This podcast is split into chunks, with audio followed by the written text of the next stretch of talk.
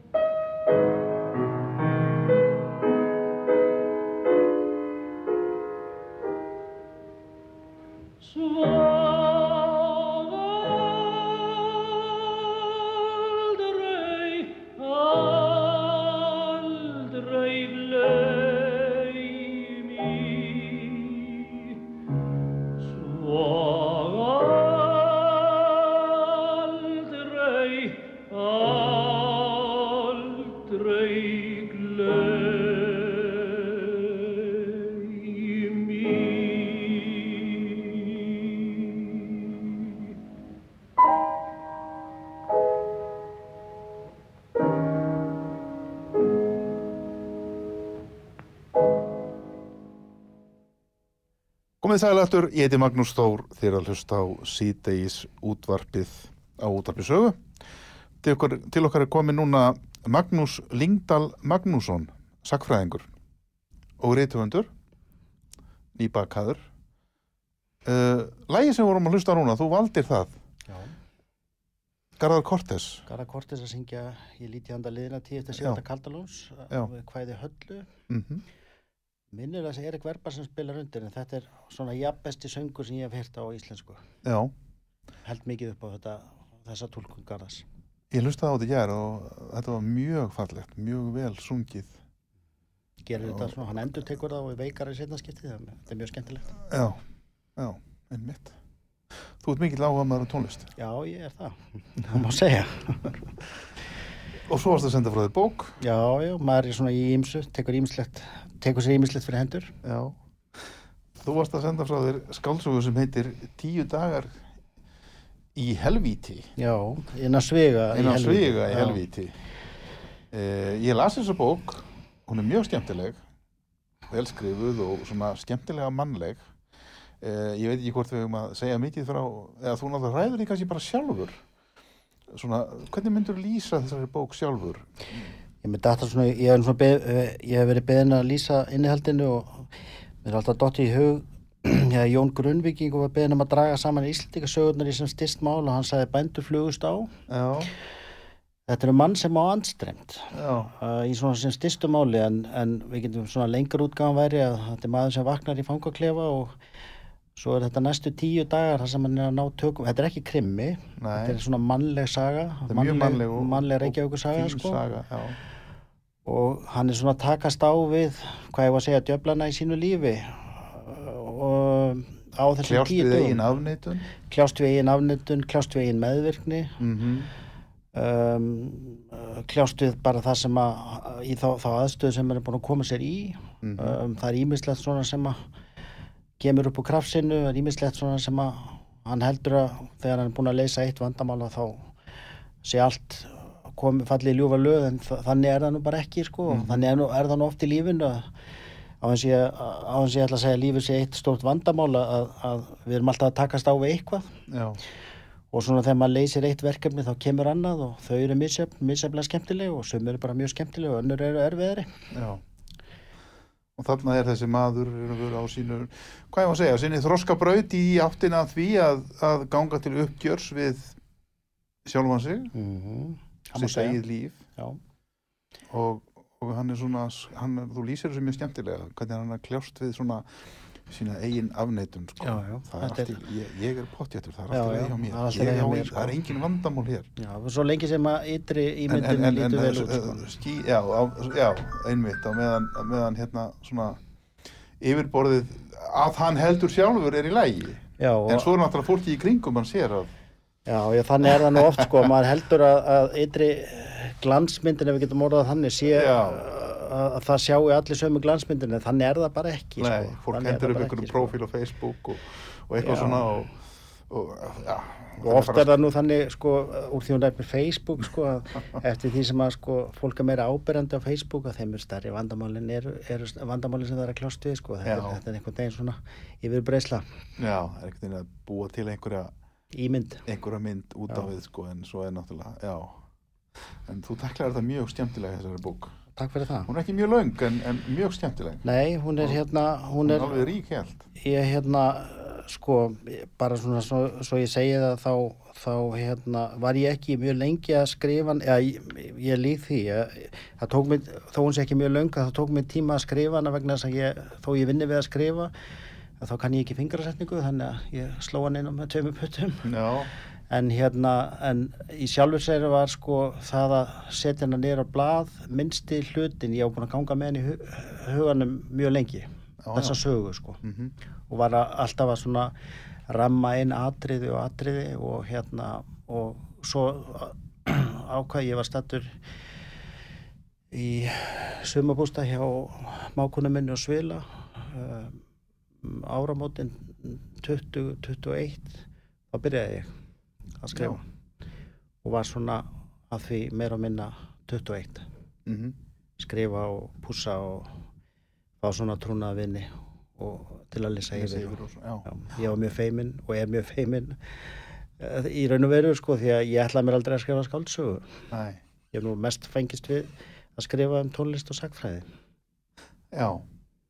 Já, þú hefur fengist við það þú já já ég skrifa töluvert sko töluvert. þessu tónlist, ég sé að það er greinar eftir í, í, í þjóð, þjóðmálum. þjóðmálum, ég skrifa það reglulega um, ég skrifa mikið fyrir óperuna um, svo ég skrifaði ég held úti hópi á Facebook sem heitir Rappum klassiska tónlist sem er öllum já, uh, það skrifa ég mikið. Já, uh, þannig að og svo vinn ég bara mínu starfi við að skrifa sko.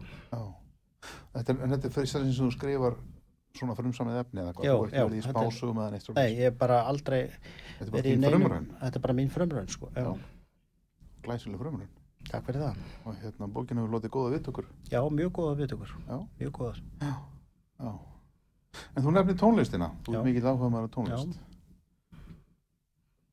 Klassíska tónlist. Já, eh, sko fyrir mér hljómar poptónlist öll eins og Genesis sko Já, já, já. Ég er eiginlega bara blindur á poptónlist og ekki það að ég bara sem barn og úlingur að tók alveg mín skeið í, í, í a- a- tónli, annari tónlist en klassíski tónlist en svona síðustu, hvað ég að segja, 25 ár hef ég bara verið í klassík, bara engungu og safna, er safnari eða sem sagt safna klassíski tónlist á geisladiskum, ég er svona reysaðilega í bystastum ég nota reynda Spotify og Tidal mikið en, en, en hérna en kaupi mér samt tölvöld mikið af klassík á, á geisladiskum og, og, og þó að fólk kannski haldið að það sé sem sagt það sé ekki fáanlegu miðill lengur þá er það nú ekki raunin sko. Það er mikið gefið út á geisladiskum og reynda hljómplötu líka, ég hef aldrei verið í því Hefur aldrei verið í vínilum? eða- Ég, byrjaði aðeins og, og hérna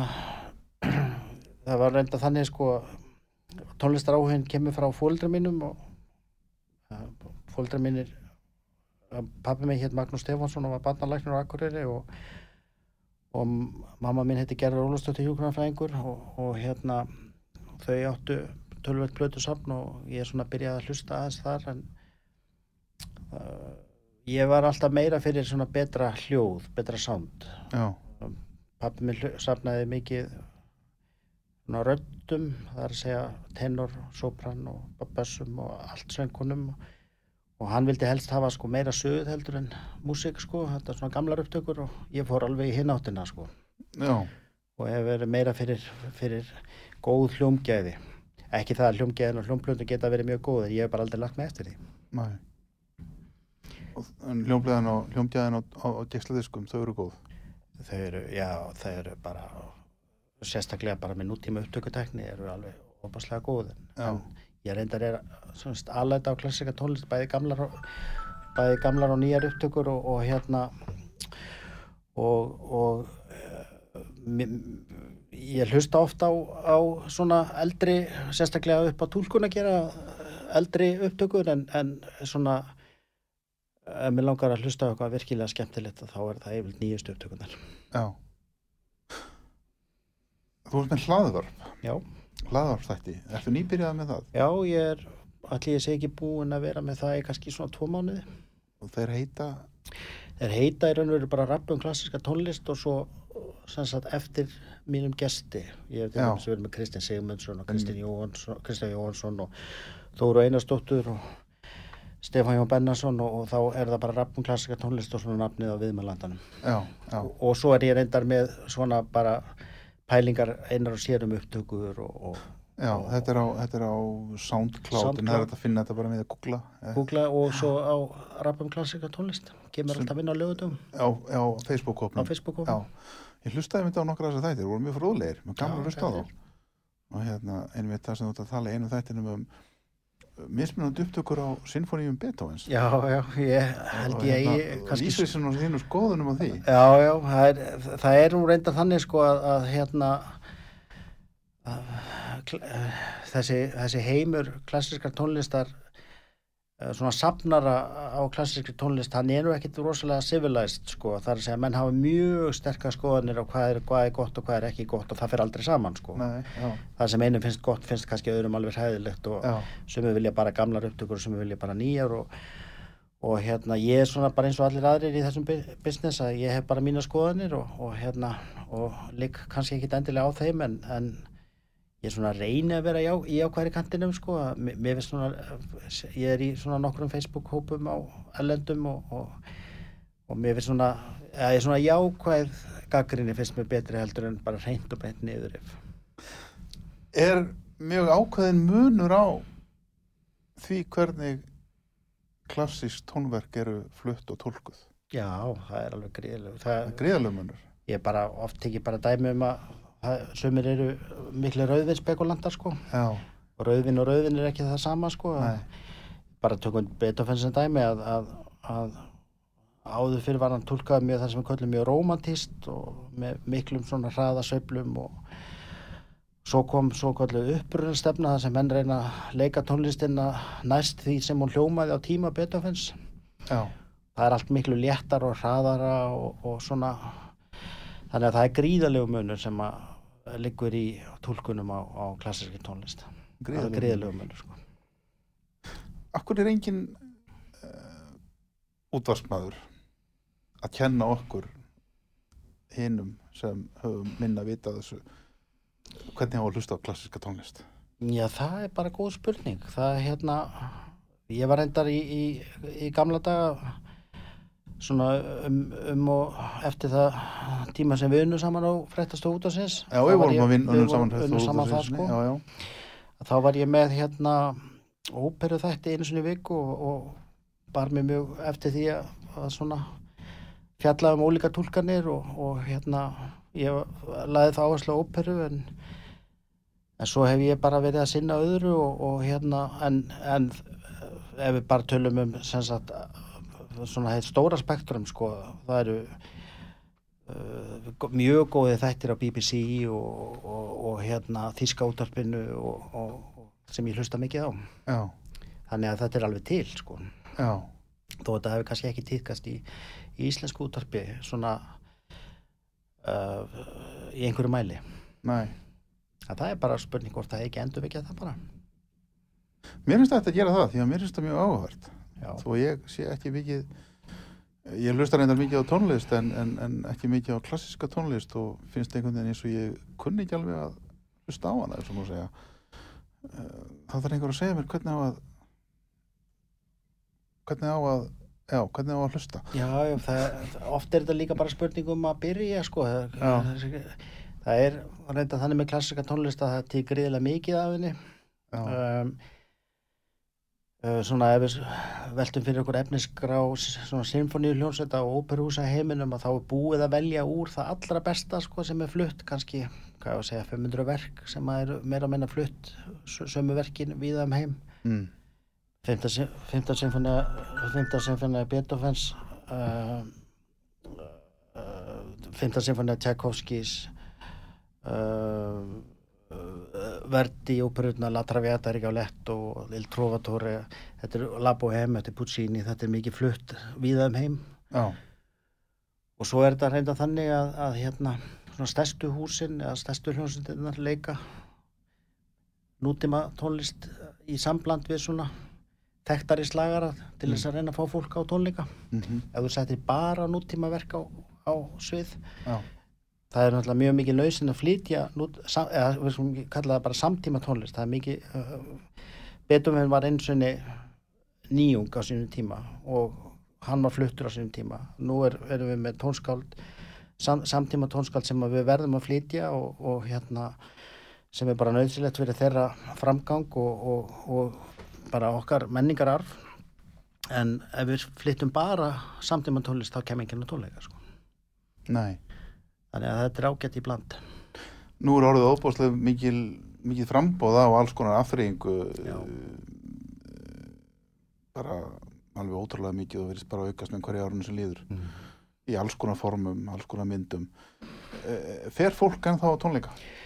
Já, þetta er reynda góð spurning sko vegna þess að, að svona, það er listamenn sem ég þekki sko segja mér að, að þetta verður alltaf erfiðar og erfiðar Já, ég er, ég er Kristinn Sigmundsson tala um þetta, ég að það er þessi samkeppni við bara allt annað. Já, að það er erfiðar og, og, og sérstaklega ungt fólk ef, ef, eins og ég hef gert mikið að því að fara í óperuhús elendis og, og tónleika elendis að meðalaldurinn er hansi hár sko. Ekki það að maður sér alveg ungt fólk en, en svona almennt er meðalaldurinn hár og, og, og það hérna það er bara mikil samkeppni við stafræna miðla uh, annars konar afþreyingu annars Já. konar tónlist ef við tölum bara um tónlist mm það er bara mikið í gangi sem að, og það er erfitt að fá fólk til þess að fylla húsin sko. Er það þannig líka hér á landi? já, ég myndi svona halda Íslands engin undatekning sko. Líka varandi óperu?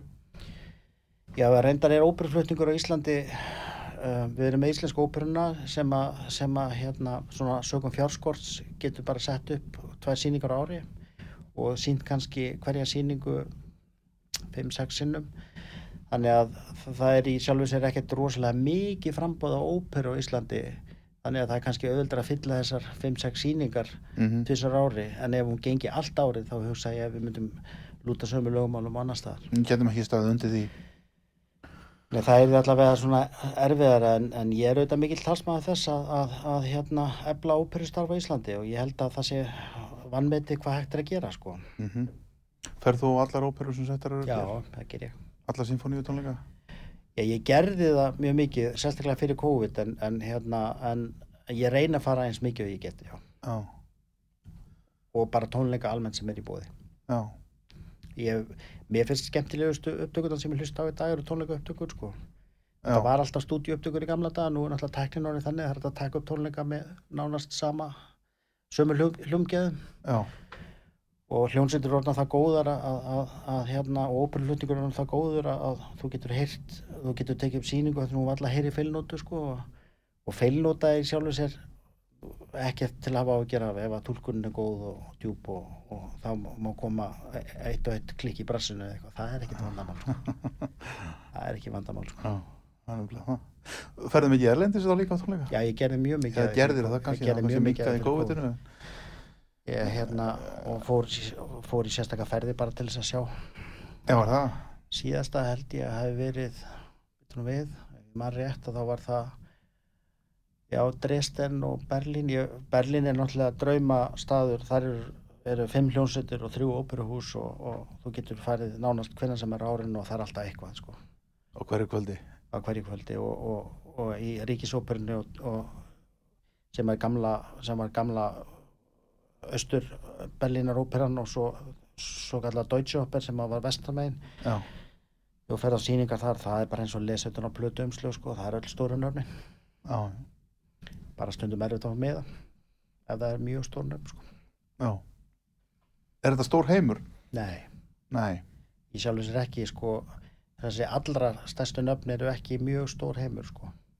fólkið í þessum bransaði, svo má segja það þekkir hvort annað já, ég myndi, ég, myndi, segja það sko. Já Já, maður heyrði það svolítið svona á þessum viðtöluðinum sko, þannig við Þóru og Kristján Sigmundsson að það var svona eins og þau vissu sko já, það, Við töluðum allt þetta fólk svona eins og þau þekktu það, það er hérna það, við, við viljum orða það þannig að, að þó kannski fólk þekkist ekki uh, Menn vita hvor persónulega, öðrum, menn vita segja. hvor öðrum sko. hverjir af öðrum að, að, að þetta er ekki það stór heimur sko. nei, nei og, að, og, og, og þegar við komum út í upptökuheimin og sérstaklega eins og hann var að þá var hann mjög lítill Já, það er með það. Hvað hérna, og þú byrjar að hlusta á þessa klassísku tónlist bara sem barni eða hvað? Fær þetta bara inn með móðurmjólkinni nánast eða hvað? ég, ég, ég sem sagt er uppalega trompetleikari það er sem sagt ég, Nú, já, ég já. hérna lærði á trompet í 12 ár og var lengst af hjá Láris Sveinsinni trompetleikari í symfóníunni sem er nú látin um, og kláraði sem sagt ég var í, gekk í mentaskóla á Akureyri já, og kláraði sem sagt tónleikskólan þar var svo held ég tvö ár eftir ég kom að norðan flutti söður og var byrjar í háskólanum í, í sögu og íslensku að þá hérna að þá hérna uh, já eftir svona tvö ára þá ákvæði ég að ég, ég var alltaf að velta fyrir mér sko, hvort að ég ætti að verða atvinnumadur já, en, en hérna en mér fannst ég hérna mér, mér, mér fannst ég ekki hafa erindi í það mér fannst ég ekki vera nógu góðu til þess. Nei, kannski var það vann, vannmatið eitthvað, ég veit það ekki en, en hérna en þannig að ég kem inn í tónlistina sem að ég er tónlistamentaður en ég man alltaf að fyndi að segja frá því að, að hérna, ég man í fyrsta skipti þegar ég settist niður og hlustaði á klassika tónlist til þess að hlusta á klassika tónlist. Það var í mæ 1989, ég var þá 14 ára gamall ekki ánum 14 ára. Og það var Beethoven 5 með Karajan og ég man alltaf eftir áhrifunum sem ég var fyrir því ég heyrði það en, en heyrði tónlistina, ég var að hlusta með, með heyrðantólum með headphoneum og hérna og svona fljótlega eftir það fór ég að bera mig eftir að, að og gekk í blötusafni hjá fóruldrar mínum og, og, og hérna svona fljótlega eftir það fór ég að safna og hef bara verið að safna síðan ég var 16 ára sko. Geislandi sko. Já, en þá ég ansi mikið fleiri þúsund? Ég er kannski svona 5.000 ég veit það ekki. Ég, ég er hættur að tellja, ég er hættur að vilja að tellja sko. Ertu þá bara að kaupa hvað sem er? Eða, eða, nei nú kaup ég bara það sem ég langar í sem sagt ef, ef, þú veist ég á kannski bara tökum sem dæmi 50-60 upptökur af Beethoven symfóníunum og 70-80 upptökur af Brahms symfóníunum eitthvað álíka af Bruckner og ég kaupi bara, nú langar mér bara að heyra meira af því sem að mér finnst æðislegt sko. Já, já, og bera saman. Og bera saman. Og bera saman, og það er eins og þú segir mikill munur á því hvernig það er bara heiminn og haf, himinn og haf. Það er nefnilega það. Heiminn og haf sko. maður er að fara að hlusta og kaupa sér eða ná sér í nokkur eindök af mismunandi flutningsfólki á ákveðinu symfóni og já, já, það er eins og, eins og ég nefndi lætja áðan, við eirun þetta er svona eins og að fara í góða vinsmökkun sko. það er, þú heyrir alltaf eitthvað annað sko. Já, áhugavert. Alveg það. Já, Magnús Lingdal Magnússon er gestur okkar hérna núna í sítisútvarpinu, ég heiti Magnús Þór, við þurfum núna að taka smá auglýsingarlía, en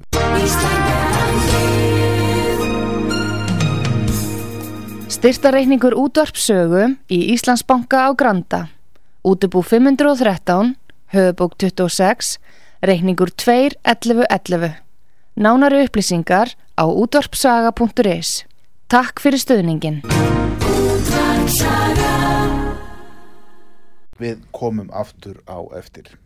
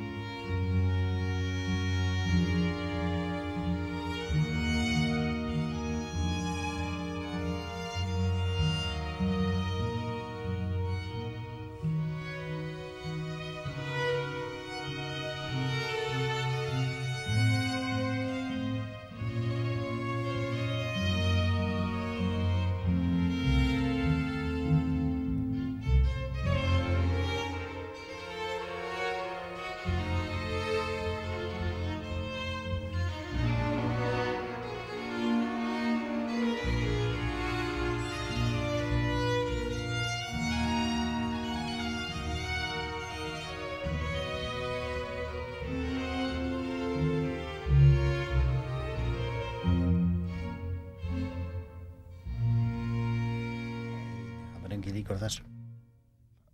Komið sæl aftur, ég heiti Magnús Þór og þeir að hlusta á síðdeis útvarpi, útvarpi sögu. Uh, hjá okkur er Magnús Lingdal Magnússon, sakfræðingur, uh, reytöfundur núna með nýja bók. Tíu dagar í helvíti, innan svega þar að segja í helvíti uh, og uh, mikill áhuga maður um klassíska tónlist. Þú valdir þetta sem við vorum að heyra núna eftir hlið, eftir öllusingarhlið. Já. Hvað var þetta? Já, svona í tilöfni páskana þá heyrðu við uh, Ariuna er barmeti úr öðrum hluta Mattíusapassíunar eftir uh, Jón Sebastian Bach. Passíunar er mikið fluttar um kringum páskana. Já.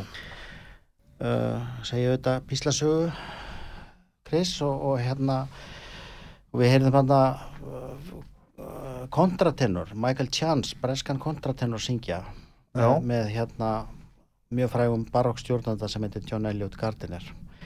Þetta er sem sagt, yfirleitt er þetta konur sem syngja þetta hlutverk eða þessa ratttípu en, en það er svona reyðið að setja rúms í þessum, eins og ég nefndi áðan, uppbruna skóla þegar að menn, menn eru að reyna að láta hljó, tónlistina hljóma sem næst tíð, tón, tíðaranda tónskálsins Já. að þá var það kallmenn sem sungu með þessar svo kallu kontratenorödd Já. sem er ákveðin söngtækni. Já, og þetta er dæmi um það, Þetta er dæmi um það, já. það er nefnilega það. Hlustaru mikið á tónlist, ertu alltaf að hlusta tónlist? Já, ég meira og minna að hlusta alla, ég, ég er bara svo heppin að, að það sem- við það sem ég starfa að, að það sem ég les og skrifa mikið að, að, að þá get ég hlusta á tónlist, ég get ekki hlusta á svona talamál en, en ég get, það rögla mig í rýminu en ég get hlusta á tónlist og ég, ég held ég geti sagt að ég hlusta á tónlist allan daginn í vinnunni og og svo tekur geisletiska safni við kem heim og, og hérna, ég á ekki sjónvarp eða við konar minn eigum ekki sjónvarp og Já, þannig að við erum bara mikið með tónlist á og, og hérna og spilum þess á milli þannig að þið horfið, þið hlusta á tónlist á kvöldinu, þið horfið ekki á sjónvarp. já, nei, við, það, það bara það nú bara til að því að sjónvarpöka bilaði fyrir fyrir hérna, hvað, 5 eða 6 árum og framtagshemin er nú ekki meir en svo að við erum ekki búin að koma okkur í að verða okkur út úr nýtt sjónvarp það er ekki það við sem við komum út úr sjónvarpi sko. Nei, nei, þetta er, ég, ég bara kannast mjög, þetta er svona hjá mér líka, sko. já, þannig að Ég, hérna, ég, á kvöldin, ég horfi, ég er, ég er hættur að horfa sjónvarp. Og Ég hlusta á tónlist og, og les bækur. já, er Eða okkur skrifa. og ef það er eitthvað sem maður þarf að horfa á þá er það bara, gerum við það í tölvunni Nákvæmlega. Þetta er sko. Þetta er bara, svona hefur, kannski maður orðin gamall, ég veit það ekki. Eða maður er vandfísnar á það hvernig maður eigði tímanum. Sjónvarpið er líka bara mikið árit ef það er alltaf á sko. en, en, en, síður en svo á móti, móti Nei, nei, á og- móti því og maður horfir á þætti sko, sérstaklega ef það er eitthvað gott efni þá fer maður bara að leita það uppi skilur. mikill kvikmynd áhuga maður líka og, og horfið mikið á svona sömu myndirnar og, en, en hérna en, en það er svona að það kannski verður einhvern veginn í framtíðinni, náinni framtíð að við útsirklum okkur nýtt sjónvarp Þið horfið ekki á tónleika þá eða hvað? Já, Í sjónvarpinu? Ég, já, ég horfi reyndar mikið á tónleika bara í, í tölvunni sko Já, bæði á YouTube og svo beinar útsendingar hérna og það og maður fær ábendingar frá vinnum og kunningum og þessum Facebook-hópum sem ég er í að já. þarna verður flott síning og hún er í beinni útsendingu og þá Já, bakkar þar komum við einmitt af því sem við nefndum áðan að þetta frambúð af efni sem er orðið svo mikið að það kannski veldur því að fólk er farið í kannski minna mæli að fara á sjálfa tónleikana en kannski horfir á bara heim Já, eða jafnvel í kvikmyndahúsum.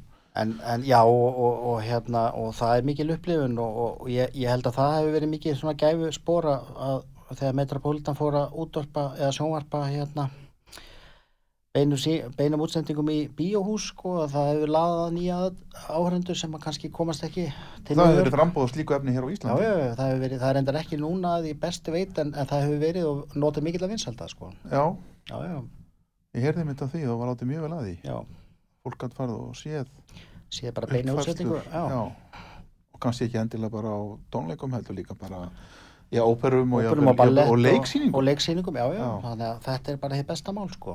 er að sjá til með svo netun og ótrúlega flottar hérna, upptökur af, af leiksýningum Já, með heimsfræðum leikurum já, já.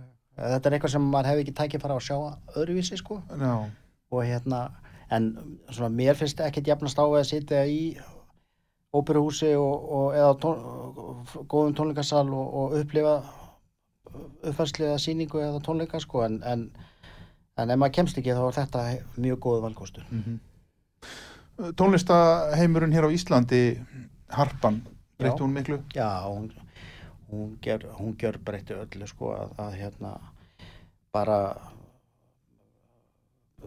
ef við tökum bara sem dæmi hljómbur sko milli háskóla bíós og, og hörpu þá er þetta Mhm. náttúrulega bara svart og hvít sko. Já, uh, það er mikið lífi kringum hörpuna það er mikið að það er, það er ekki bara symfónían og óperan það er náttúrulega alls konar tónleikar í bóði það eru gestaljónsittir að koma og, og það eru poptónleikar og, og, og þetta, er, þetta er mikið líf sko sem að, sem að hún hefur eh, hérna harpan hefur semst, haft í för með sér svona grættistak fyrir menningarlíf á Íslandi.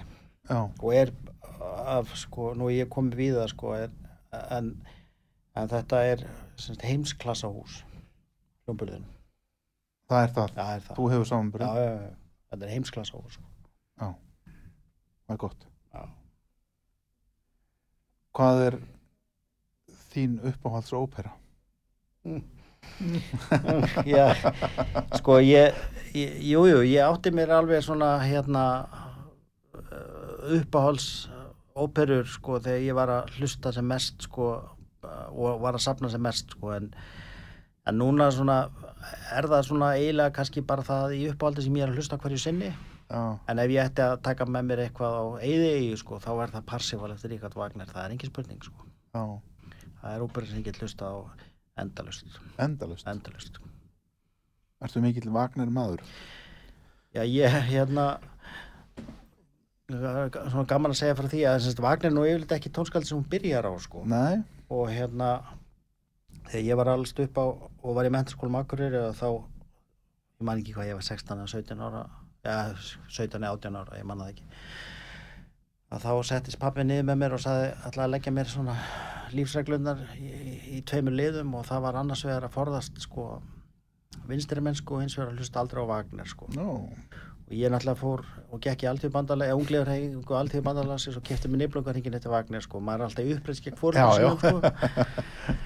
en ég byrjaði sem sagt eiginlega mína svona klassísku gungu á Wagner og er mikill Wagneristi sko, fyrir Já, vikið og, já. og hérna, en, en hérna en þetta er orðið bara svo blanda hjá mér að ég hlusta bara á ótrúlega brey- breytt spektrum, allt frá enduristan tónlist ekki mikið í svona samtíma tónlist en, en það kemur þó fyrir já. Hefur þú farið, það er alltaf Vagner hátíð. Já, í Bæraut. Ég hef því miður ekki komið þangað. Það er ekki komið þangað. Það á ég eftir og það er alveg á bucketlistanum, sko. Já, Já, já. já, Ég hef séð Wagner óperur í víða í Vín og Berlín og London og og hérna og þannig að það er alveg eitthvað svona sem að maður eiga eitthvað eftir sko. já, já, það. Sem betur fer, sko. Það eru margir íslendingar sem hafa farið og sem er hafa farið oft Mhm. og þetta er svona heimur sem að ef þú smitast af hann þá læknast ekkert sko. Nei, það fylgir þér, það sem eftir er hvað með sinfoníunar? Hvað er uppáhaldið þar? Það er kannski erfitt að svara því líka. Nei, sjálfur sér ó, með við hvað með við hérna fjöldan sem er til að þá þá held ég að syns, Brahms 1 og 4 séu svona og, og Beethoven Brahms og Beethoven og Mozart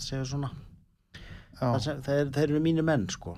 En svo er þetta Bruckner og Tchaikovsky og, og sem ég hlusta mikið á en, en Brahms 1 og 4 er svona það sem ég spila kannski oftast já, ef ég veit ekki hvað ég á að hlusta á þá set ég alltaf Brahms 1 á sko já, já. Hvað með, hvað með yngri tónskáld? 20. aldar tónskáld? Já, ég sem sagt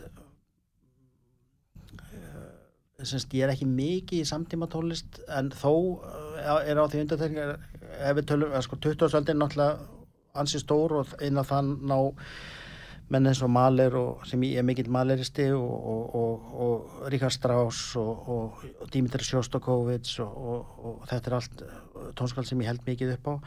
En svona af núlefandi tónskáldum held ég mest upp á Arvo Pärt. Það er engin spurning. Já, já, um, eistnest tónskáld og hérna ég var svo heppin að syngja nokkur ári í mótutikórnum já, þá fluttum við mikið kórtónlist eftir Pärt já, og ég smitast algjörlega honum og, og var einmitt að, að hérna, þegar ég var að labba í viljuna í morguna þá var ég einmitt að lusta Arvo Pärt já, þetta er svona reynsar hugan já. Íslensk tónskáld?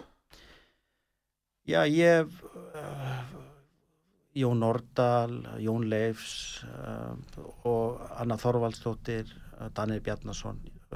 Ég hef reynd að bera mig eftir eins miklu ég get og sérstaklega meðan ég var að- ekki svona selektífur í minni hlustin eins og ég er í dag en, en, hérna, en ég hef alltaf gaman að fara að sjá eitthvað nýtt. Það er, mm Mhm. jafnvel þó að maður heyri það kannski bara og, en það er svona í bland við svona svona íhaldsamari eða, eða hérna hefbundari dagskráð það er alltaf gaman að heyra eitthvað nýtt og maður heyrir alltaf eitthvað nýtt í hvert skipti eiginlega sem maður fer á tónleika Já. Hvernig, að því nú hefur þú hlustar mikið á tónlist og, og, og uh, samanburðurinn til dæmis íslenska óperan við erlendar óperur hvernig stendur hún? sko á góðum dögum ef, við bara tökum óperuna og symfoníuna saman sko að á, þegar stjórnendur á borðið Osmo Venske eru að stjórna hérna heima sem var reyndar að hljónstastjórnum mjög lengi þá er symfóniljónstin alveg frábær sko. Mm um, og, og, og ég, ég, það er mín persóna persóna skoðun að óperuflutningur á Íslandi sé á mjög háum standard þó þessi lítið á hann við eigum mjög góða söngvara Mhm. um góða hljóðfæraleikara góða stjórnendur sem er að, unga stjórnendur sem er að koma upp. Um, en það er nú bara þannig að það er líka dagsform í þessum business Mhm. og þú veist, ég hef séð tónleika hjá mjög þekktum hljónsveitum og í þekktum óperhúsin sem hafa ekki verið neitt sérstakir sko það er bara þetta er allt spurning um dagsform og, og, og hvernig þetta tekst til en, en, en almennt séð finnst mér standandi hérna heima bara mjög hár já. Þú hefur, hefur stund að gaggríni skrifað krítik Uh, já, ég hef nú gert það ég, ég, við settumst alltaf niður einu sinni í viku ég og Eva Kjartansson í Viðsjá í gamla dag Já, og þá var ég með svona gaggrinni á nýjútkomla plötur eða, eða eitthvað svona sem er datt í huga fjalla um. En en hérna, það er nú svona bara eins og með svo margt annað í íslensku samfélagi að, að þetta er lítið samfélagi og margir, þekkjast margir og, og, og hérna ég held að ég, sé, ég á marga vini í, í hérna og, og kæra vini í hópi söngvara og hljóðfærleikara og, og mér þætti bara í sjálfum sér ekkert sérstaklega þægilegt að vera sættur í þá stöðu að, að skrifa gaggrinni um eitthvað svona sem mér kannski líkaði ekkert sérstaklega vel eða mm. alltaf gaman að rósa og, en almennt séð þegar ég hef verið með gaggrinni að þá reyni ég nú alltaf að hafa nú svona uppbyggilega. Já. Það er að segja hlutina með mismöndi hætti. Mm um, og orð geta haft mismöndi merkingu. Ég datt nú í huga hérna, þegar ég var að kera hér í bílnum að það var hér á út af besögu viðtal við Ólaf Egilson sem var sendið hérna í, í hérna Sovjetríkjörnum og svo Rúslandi setna að þegar Boris Jeltsin kom fyrsta skipti í ofnbæri heimsók til, til hérna Bretlands og hitti John Major -hmm. þá bara John Major hann að lýsa efnahagsástandi í Rúslandi í einu orði og hann sagði good eða gott og Major vissi betur og var mjög hissa og, og, og baði hann um að lýsa því þá í tveimur orðum og þá sagði hann not good ekki gott þannig að það er svona spurningum sko, þú veist bara hvernig blæbriðin og orðanum eru sko. Já, já, en, en, en ég hef alveg mína skoðanir og, og mínar kreddur og við höfum það bara öll sko. já, er það ekki bara eðlilegt það held ég Er, er, er hlustun á klassiska tónlist, er hún mjög útbreytt? Nei, hún er það nú ekki. Það tala um að, að hérna, já, sem sagt, í, í svona absolutt tölum er þetta auðvitað mjög margir sem hlusta á klassika tónlist en það tala um að sé einhverstað byrju 24% sem að hlusta á klassika tónlist. Um, Hér á Íslandi eða, eða já, bara í heilt heiminum, sko. í heiminum? í Um, þetta er mismunandi eftir löndum, mesta klassi, sala á klassiskri tónlist er í Suðukóri já, já, um, en, en hérna en uh, þetta er svona ég held að verði ekki ríkur á að stunda svona fyrir utan kannski bara stórstjórnundar sko. Þetta er, þetta er, það er kannski ekki miklu peningar í þessum business sko. En, en hérna þetta er svona eins og með að vera reythöfundur það verður allavega ekki á Íslandi það verður ekki rí- ríkur á að vera reythöfundur já, sko. mjög fáir, já, mjög fáar að minnsta kosti og hérna en, en hérna þetta er svona jöfn sala og þetta er jöfn hlustun já. En og unga fólkið er, er nýliðun? Mm, Já, ég er nú reynda mjög svona, sem sagt, að það er stundur sagt á, á íslensku, sko, heimu vestnandi fer, sko, ég er ekki mm. hlindu þeirri lífsbyggi, sko, ég er almennt jákvæðri og, og svona lít frekar á bara að það sé gott að við, við sem heppin að vera upp á þeim tíma sem við erum, sko, en, en, en og það hefur oft verið sagt að nýliðun í klassíski tónlist þar sé hlustendahópi sé, hafi alltaf verið léleg sko, og þetta hafi verið svona eldri kynnslóðun og, og jáðra við það að vera tengja snobbi sko Já. en, en ég, það er ekki það sem ég var við sko og bara svona sem dæmi að, að, á þessu hópi sem ég held út á Facebook og rappum klassika tónlist að þá er mikið ungu fólki Já. og hérna það er ekki áberandi svona eldri slagsíða sko Næ. og fólk sem hefur skoðanir og hefur gaman af að láta þær í ljós, það er mjög skemmtilegt Unga fólki er að læra líka þá Já.